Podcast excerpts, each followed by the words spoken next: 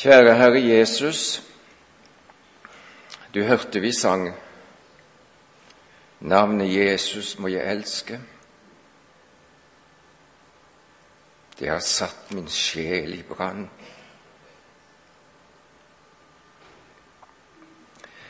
Takk for du setter sjeler i brann.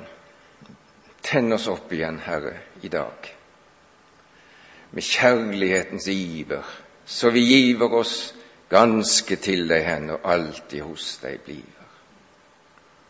Takk for du er i ditt ord i dag også. Og du, Jesus, er i går og i dag den samme og blir det til evig tid. Amen.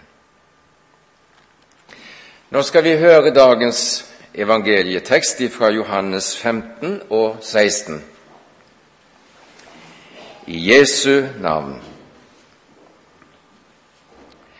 Når talsmannen kommer, han som jeg skal sende dere fra Faderen, sannhetens ånd som utgår fra Faderen.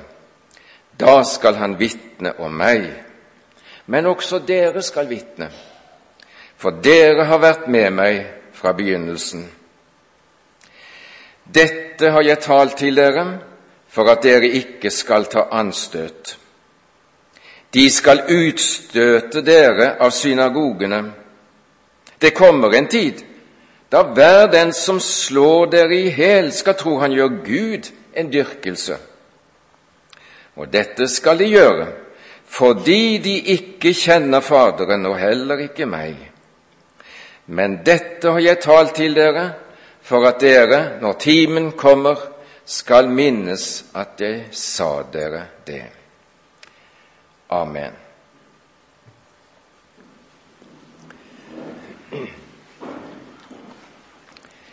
Ja, vi har nettopp lest noen linjer fra Jesu avskjedstale til sine disipler. Jesus taler om Åndens komme og hans oppgave, som vi hørte her i vers 26 i Johannes 15. Når talsmannen kommer, han som jeg skal sende dere fra Faderen, sannhetens ånd som utgår fra Faderen, da skal han vitne om meg.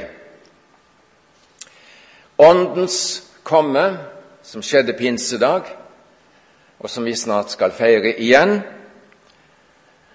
Den hellige ånd skulle vitne om Jesus, og det har han gjort like til i dag. Men så sier Jesus også i sin avskjedstale dere skal også vitne, sier han til disiplene. Og dere har vært med meg fra begynnelsen. Men så sier Jesus videre dette vitnesbyrdet kommer til å koste. Det kommer til å koste. Det kommer til å koste martyriet. Ja, det kommer faktisk en tid, sier Jesus, da enhver som slår dere i hæl, skal tro at han gjør Gud en dyrkelse. Hvorfor gjør de da det?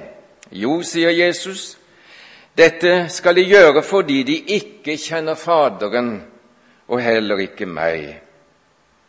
Og så vet vi at det skjedde, og så vet vi at det skjer. Det koster å følge Jesus. Det koster å vitne om Jesus. Og denne vitnetjenesten den skulle koste for mange, mange. Alle disiplene opplevde martyriet, med unntak av Johannes, som det blir sagt. Han, han eh, ble pålagt et langt livs martyrium.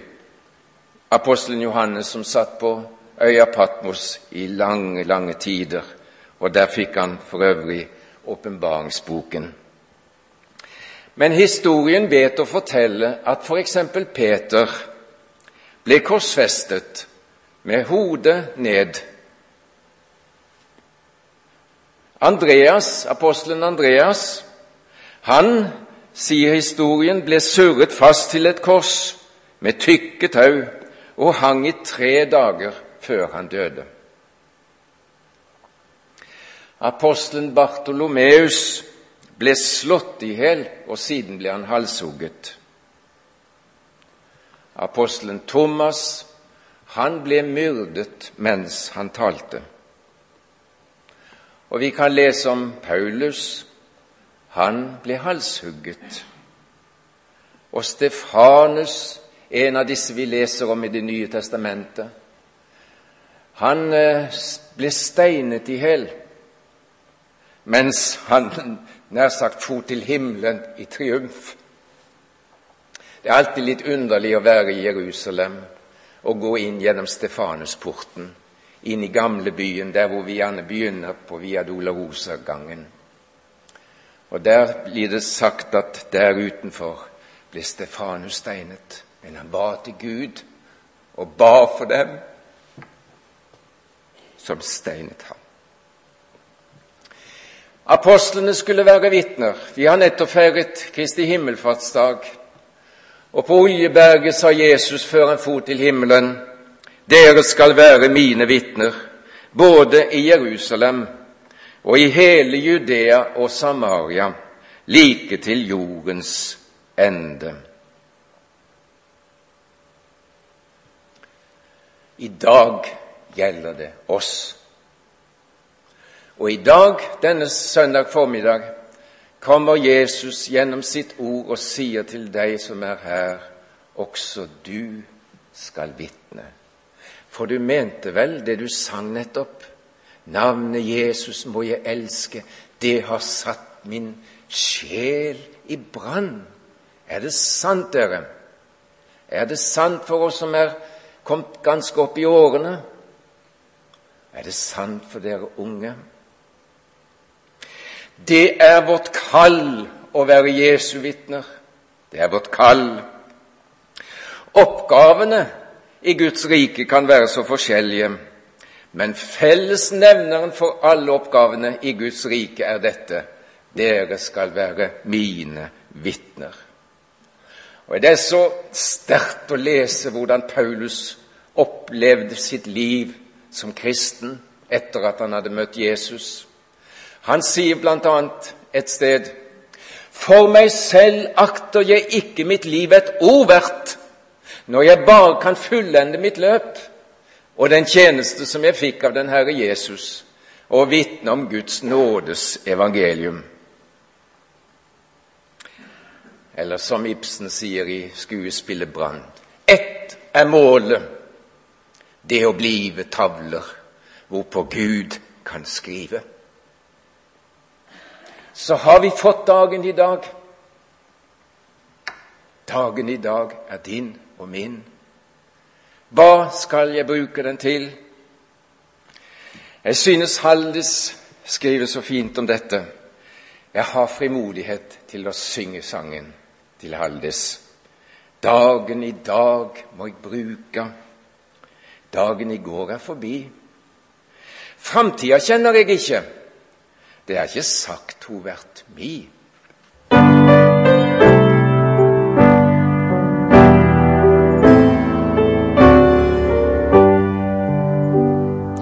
Dagen i dag må jeg bruka, dagen i går er forbi. Framtida kjenner jeg ikkje, det er ikke sagt hun vert mi. Dagen i dag må jeg bruka, fylja i Frelsarens spor. Gå til dei mange som ventar, gå med Guds evige ord. Dagen i dag er ei gåve, sendt ifrå himmelen ned jeg skal få lov til å leve midt i Guds nåde og fred. Jeg skal få lov til å leie noen til Jesus i dag. Røysta som seier i morgen, ho fer med løgn og bedrag. Det er i dag jeg skal være reiskap i meisterens hand. Det er i dag jeg skal vise vegen til himmelens land. Framtida kjenner jeg ikke. Jesus skal ta seg av den. Dagen i dag må jeg bruke, den får jeg aldri igjen.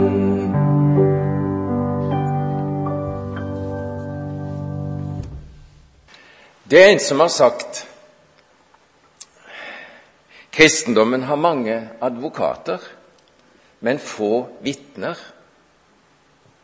Det er veldig mange av oss som er lite frimodige og vitne om Gud og Jesus og evangeliet.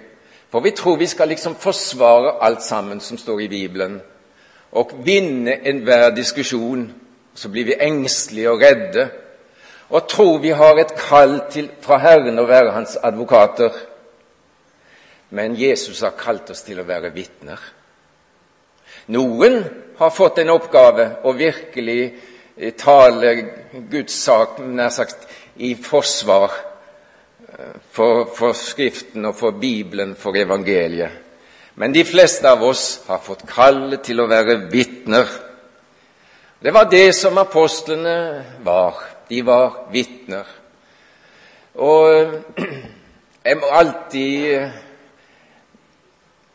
beveges i mitt hjerte når jeg leser om Peter og Johannes for Det høye råd i Jerusalem, og hvor frimodige de var.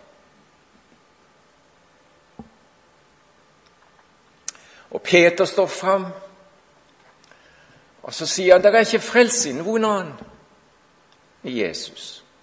Det er ikke noe annet navn under himmelen ved hvilket vi kan bli frelst. Det står om disse ærverdige 70, var de vel, lærde menn som satt der i Det høye råd. De undret seg, står det. Og de kjente dem igjen, at de hadde vært sammen med Jesus. Og jeg har ofte spurt meg sjøl kan andre merke at Ole Abel Sveen lever med Jesus? At han er tent i brann? At evangeliet brenner i hans hjerte? Og Peter og Johannes sa, 'Vi kan ikke la være å tale om det vi har sett og hørt.' Da kommer jo spørsmålet til oss har jeg sett noe? Har jeg hørt noe som det er verdt å fortelle? Jeg opplever litt forskjellig om dagene. Møter mennesker når jeg er ute og går en tur og sånn. Og, og ofte er dette spesielle møter også. Og det er nesten det første jeg gjør når jeg kommer hjem, det er å fortelle kona hva jeg har opplevd, samtaler jeg har hatt. Det er helt naturlig. Har du noe å fortelle i dag? Har du noe å vitne om? Har du sett noe hos Jesus? Ja, du har nok sett en del på fjernsynet av nyheter og fotballkamper og sånne ting som du gjerne forteller om. Men har du sett noe i Bibelen, i Guds ord? Har du opplevd noe med Gud som er verdt å fortelle? Eller har du ingenting å vitne om?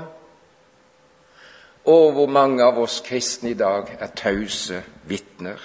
Vi taler om vær, og vi taler om vind, og vi taler om roser på ungdommens kinn.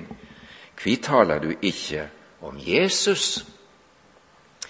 En har sagt det slik den beste måte du kan bevare den kristendom på, er å gi den videre til andre.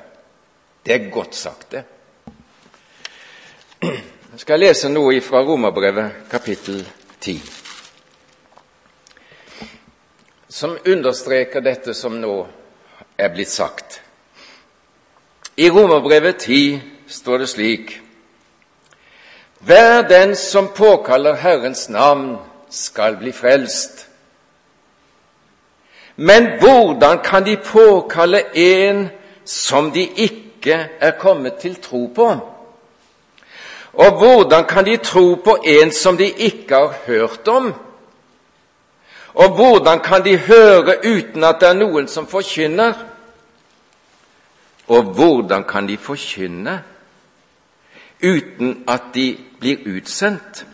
Som skrevet står, hvor fagre deres føtter er som bringer fred, som bringer godt budskap.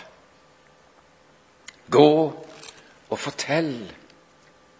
Gå og fortell. Også dere skal vitne. Det er et budskap fra Jesus til oss i dag. Og Bibelen sier Jesus Kristus er i går og i dag den samme. Det er den samme Jesus vi har med å gjøre, som den gangen for snart 2000 år siden talte til sine disipler i avskjedstalen. Så gikk de, da. De elleve som sto der på fjellet i Galilea, de gikk ut. Og så har evangeliet spredt seg til alle verdens hjørner. Og for tusen år siden kom evangeliet til oss. Du sendte ditt ord til Noregs fjell, og ljos over landet strømde. Og vitnesbyrdet om Jesus og evangeliet nådde også min familie.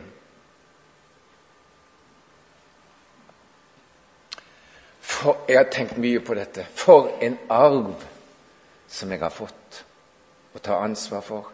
Det er et ord som sier 'arv økes eller ødes'. Har du øket kristenarven i ditt liv, eller har du ødt den? Arv økes eller ødes. Så tenk på den arven som jeg fikk. Jeg kjente jo godt mine besteforeldre, men ikke mine oldeforeldre. Men jeg har en mistanke om at, at det går langt, langt tilbake i slekta. De trodde på Gud og de brakte vitnesbyrd om Jesus videre.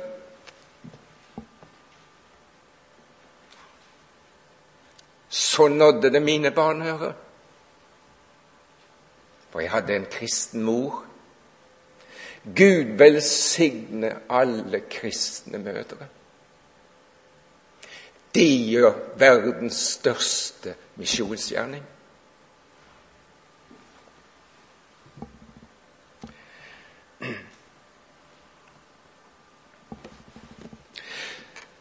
så fikk jeg også dra ut selv med dette evangelium som jeg ble møtt med i barndommen. Og enten dere tror det eller ei, dere kan stusse litt på det, da, men i år er det faktisk 60 år siden jeg første gangen dro ut med trekkspill og, og hatt og frakk og kalosjer og begynte å vitne om Herren var for øvrig sammen med en som mange kjenner, og som går i forsamling. Men jeg tror ikke han er her i dag. Men han er ofte, og det er Henrik Øykenes. Jeg kjenner ofte på takknemlighet over Henrik, at han tok meg med. Jeg hadde ikke så veldig lyst, skjønner du. Men så gav han seg nå ikke, og det er jeg veldig takknemlig for. Ja, dette med å bringe videre det vi har fått, dette med familiemisjon, dette med barnemisjon, dette med søndagsskolen som vi opplever her Å, hvor det er viktig! Det er, så, det er så utrolig viktig. Det er viktigere enn noe annet som gjelder misjon. Og det synger også Haldis Reiksdom. Og nå er jeg frimodig igjen, jeg, og synger en sang til fra Haldis som hun skriver om denne viktige vitnetjenesten med tanke på barna våre, den kommende slekten, at arven må økes og ikke ødes. Haldes skriver sånn Ta barnet i handa og leide til Jesus, til Han som er vegen til himmelens land. La barnet få eta de himmelske retter Legg handa til barnet i Frelserens hand.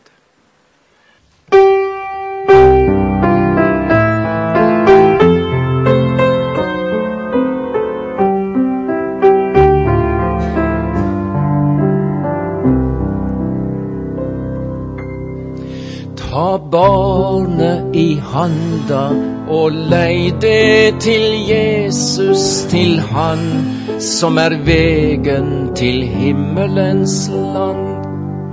Lat barnet få eta de himmelske retter, legg handa til barnet i Frelsarens hand. Eit barn er ei plante i Meisterens hage. Dei spede små spirar skal veksa og gro. Lat lysa, lyset ditt skina, så borna ser Jesus, ser Han som har kjøpt deg så dyrt med sitt blod. Gjør alt det du kan for å verna om barnet. Vær du eit eksempel som viser det veg. Du må ikke leggja ditt ansvar på andre, for hugs at dei små, dei skal læra av deg. Og bær deg til Jesus, vær trufast i bøna, så ingen får riva deg bort ifrå Han. Det spirande livet treng omsorg og varme. Legg handa til barnet i Frelsarens hand.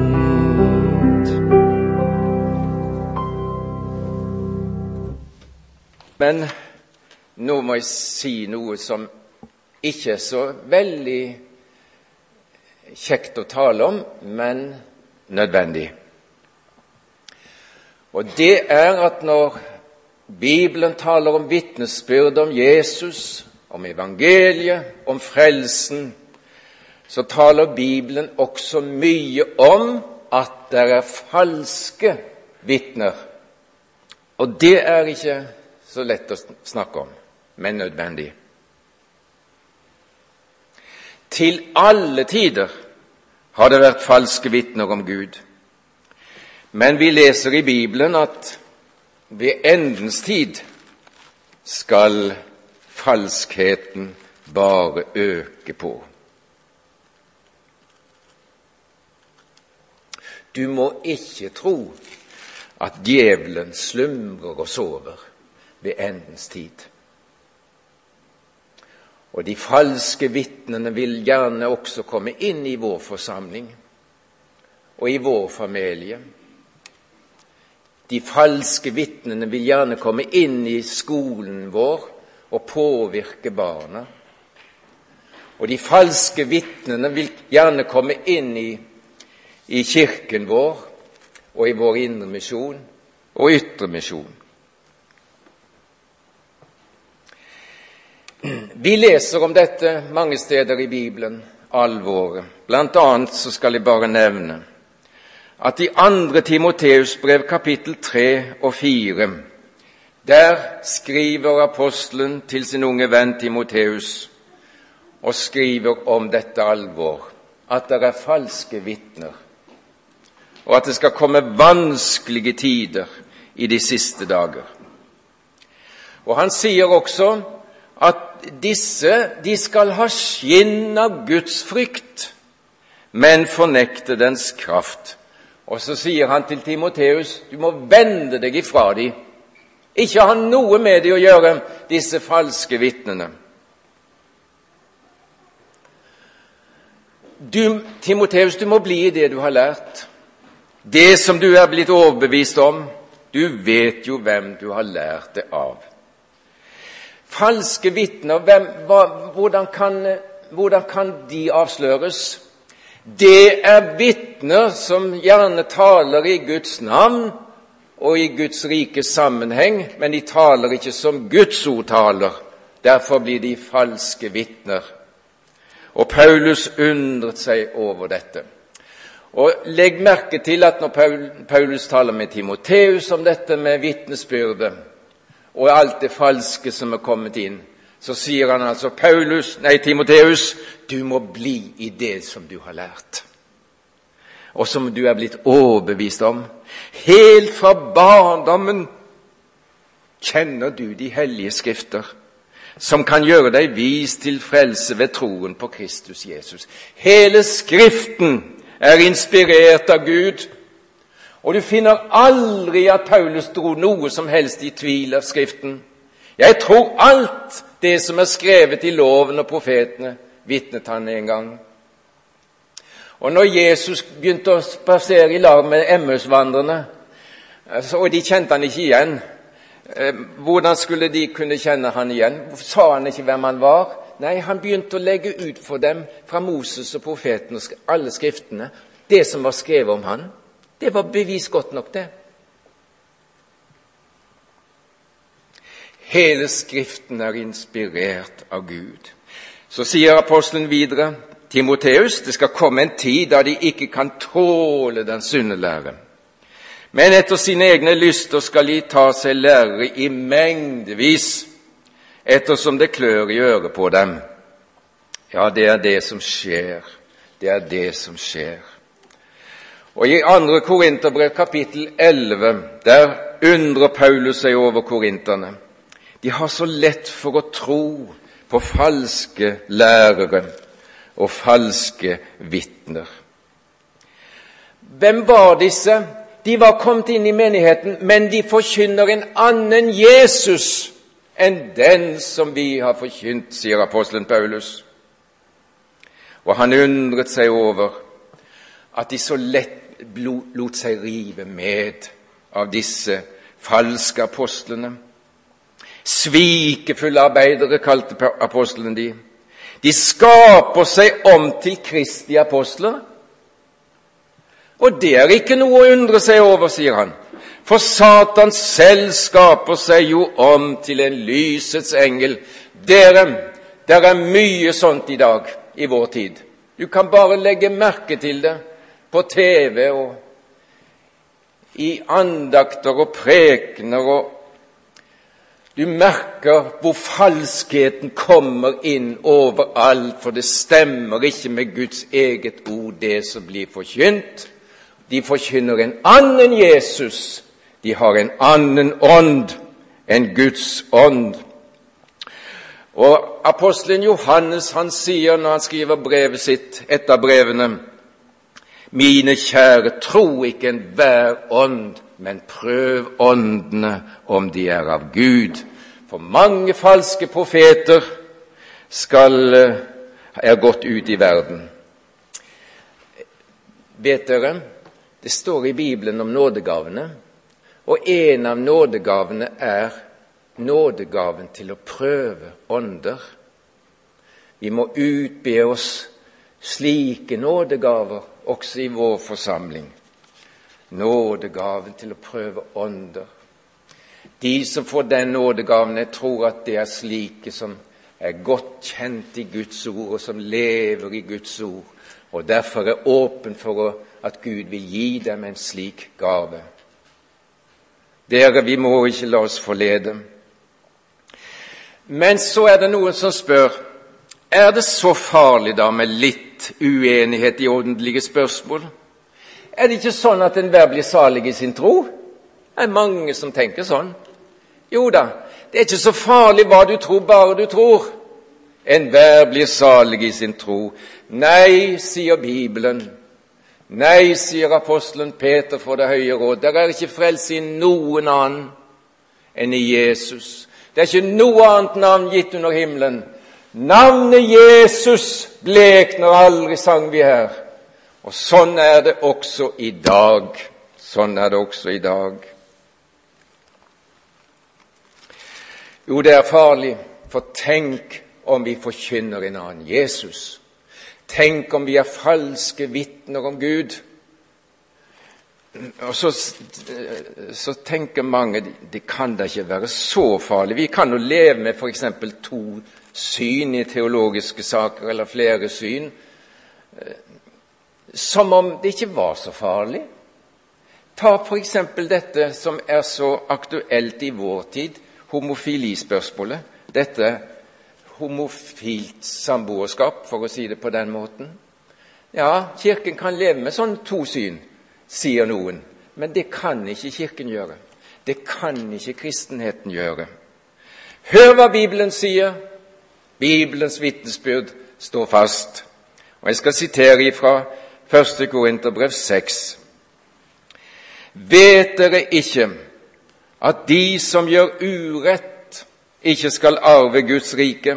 Far ikke vil, verken horkarer eller avgudsdyrkere eller ekteskapsbrytere eller de som lar seg bruke til unaturlig utukt, eller menn som øver utukt med menn, eller tyver, eller pengegriske, eller drankere, eller baktalere, eller røvere, skal arve Guds rike. Men så legger vi merke til noe. Så legger Paulus noe til. Slik var det en gang med noen av dere. De hadde levd i slike synder. Men, sier han, men dere har latt dere vaske rene. Dere er blitt helliget. Dere er blitt rettferdiggjort i den Herre Jesu navn og i vår Guds ånd. Det var kommet et nytt liv. De var tilgitt alle disse syndene som Paulus regner opp her, og som noen av de levde i. Det var blitt noe nytt, og nå skulle de leve for Jesus og vitne om Han og leve et Jesusliv i Hans følge. Og, og, det å bli en kristen det er å få Den hellige ånd inn i sitt liv. Det. står til og med i Bibelen at ditt og mitt legeme er et tempel for Den hellige ånd. Og Dette kommer også apostelen inn på her i slutten av kapittel 6 i første Korinterbrev. Den som holder seg til Herren, er én ånd med Han. Flyhor. All synd som et menneske ellers kan gjøre, er utenfor legemet, men den som driver hor, synder mot sitt eget legeme. Eller vet dere ikke at deres legeme er et tempel for Den hellige ånd som bor i dere? Dere er dyrkjøpt, er Gud i eders legeme.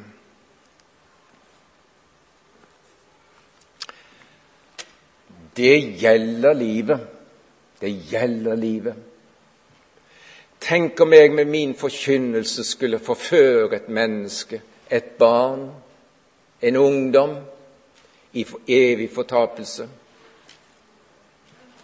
Så alvorlig er det. Jesus talte en gang om at det var bedre for et menneske, den som forfører en av disse som tror på meg, sier Jesus, for ham var det bedre om en kvernsten ble hengt om halsen på ham, og han ble senket i havets dyp. Og vi, vi trenger ekte veiledning og usvikelig veiledning til fred med Gud ved vår Herre Jesus Kristus. Det er sånne Jesus-vitner vi trenger i dag, her i Betlehem. Og Jeg har tenkt litt på det i det siste. Nå er snart Bergens Indremisjon 150 år. Og i 150 år snart har disse Jesus-vitnene vært i, i forsamlingen her. 150 år. Hvordan er det i dag?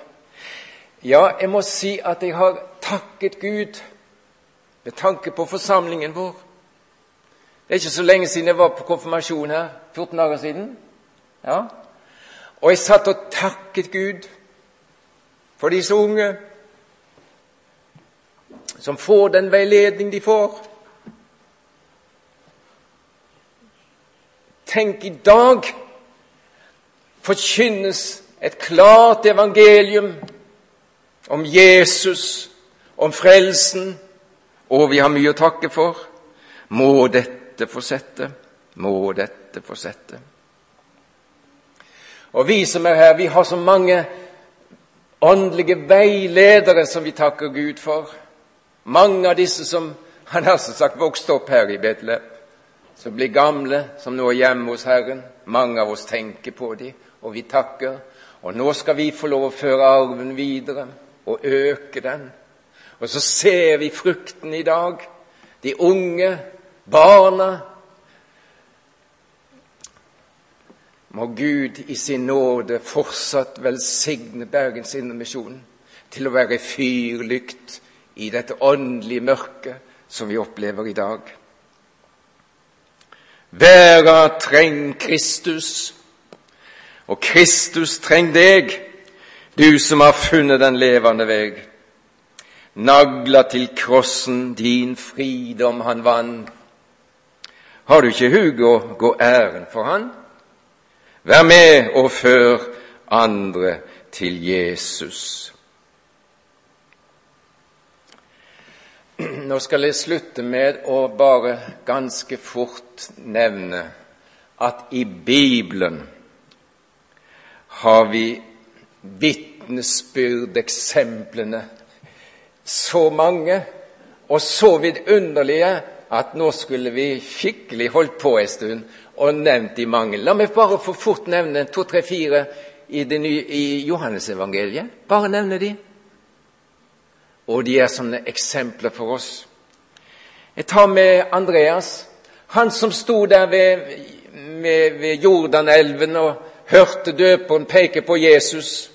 Se der Guds lam som ba, bærer verdens synd. Og Andreas, han fulgte etter Jesus. Spurte hvor bor du henne, Jesus? Kom, sa Jesus. Så ble han hos han den dagen. Og så står det så fint. Andreas han, ja, Det står ikke han springer, men han finner med en gang broren sin.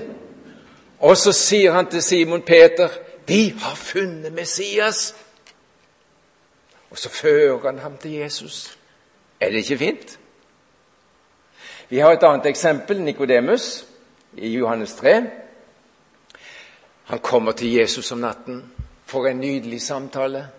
Og for en tale Jesus holdt. For ett enkelt menneske midt på natten. Å, det er så fint. Hvorfor han kom om natten, står det ingenting om, men kanskje han hadde fylt av menneskefrykt. Men Nikodemus fikk møte Jesus, og han ble et vitne. For det står i slutten av Johannes evangeliet, da Jesus ble tatt ned av korset og gravlagt, der møter Nikodemus opp og er med og legger Jesus i graven. For et vitne! Han hadde møtt Jesus der den sene nattetimen. Husker du Maria Magdalena? Hun som bodde der oppe i Galilea, oppe ved Genesaretsjøen, Magdala. Hun var besatt av sju vonde ånder. Jesus drev det ut, og hun fulgte Jesus i disse årene han vandret på jorden. Og Maria Magdalena var en av disse kvinnene som kom til graven påskemorgen og fant ikke Jesus.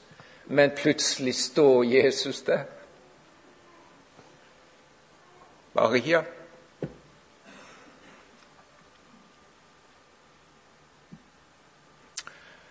Gå og fortell, Maria. Gå til mine disipler, fortell. Graven er tom. Jesus er oppstått. Verdens største budskap ble først båret fram av en kvinne som hadde vært besatt en gang av sju vonde ånder, men som Jesus hadde friet ut og gjort til et vidunderlig vitne for han. Til slutt må jeg få nevne kvinnen fra Samaria. Hun som kom ut til Jakobs brønn for å hente vann. Der ved brønnkanten sitter Jesus. De kommer i samtale. Han gir denne kvinnen levende vann, billedlig talt. Kvinnen går inn i byen. Hun har møtt Jesus. Og så roper hun ut til byens befolkning Kom!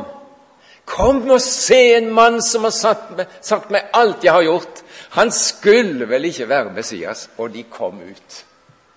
Og Vi kan lese i Johannes 4, hvor de, hvor de kommer til tro på Jesus. Og Jesus blir der noen dager på grunn av vitnesbyrdet fra denne kvinne. Jeg har frimodighet til å synge et vers om denne kvinnen, kvinnen fra Samaria. Du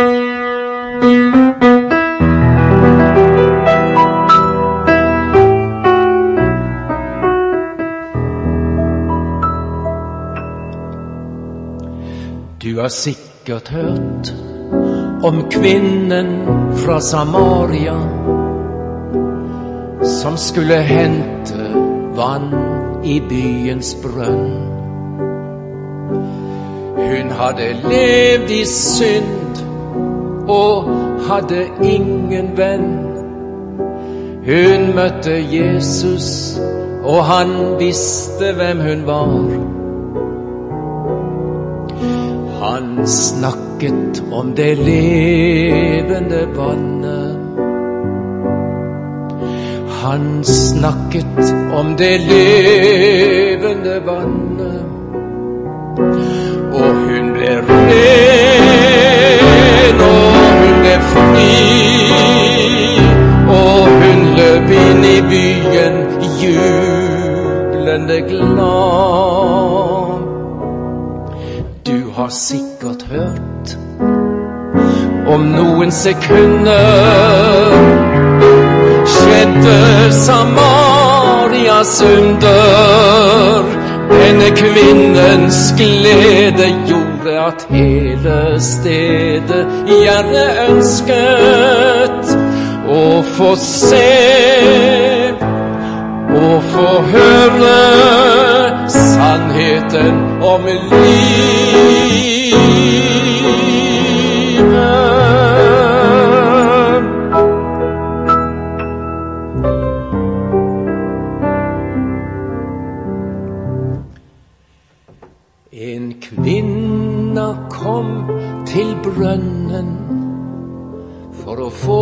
Sin krukka fylt.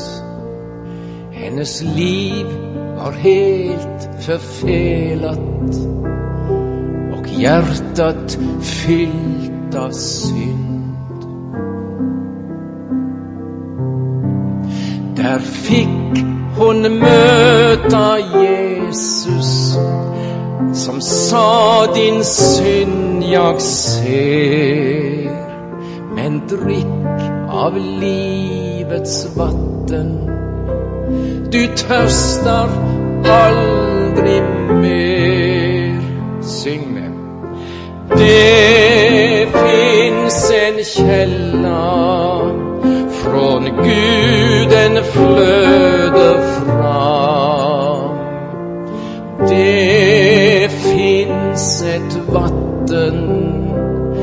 Guds kärlek er dets namn. Drikk av det vatnet og evig liv du får. Det fins en kjella fra en Golgata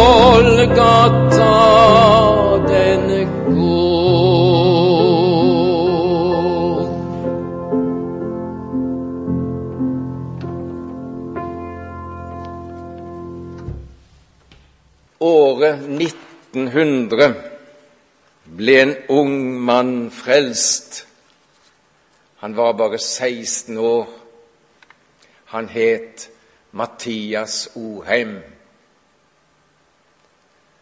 Dagen etter at han ble frelst, så skrev han en sang, 16 år gammel. Og den begynner sånn Jeg fant min Gud i ungdomsår. Jeg skal sitere siste verset. Jeg fant min Gud i ungdomsvår. All ungdomskraft som i meg rår skal brukast til Hans ære. Skal jeg med tårer se det så, med frydesong jeg heim skal gå, og mine kornband bære. Gud gi oss den nåde, alle, at vi stiller oss til Jesu disposisjon. Her har det med Jesus. Bruk meg i dag. som ditt vitne.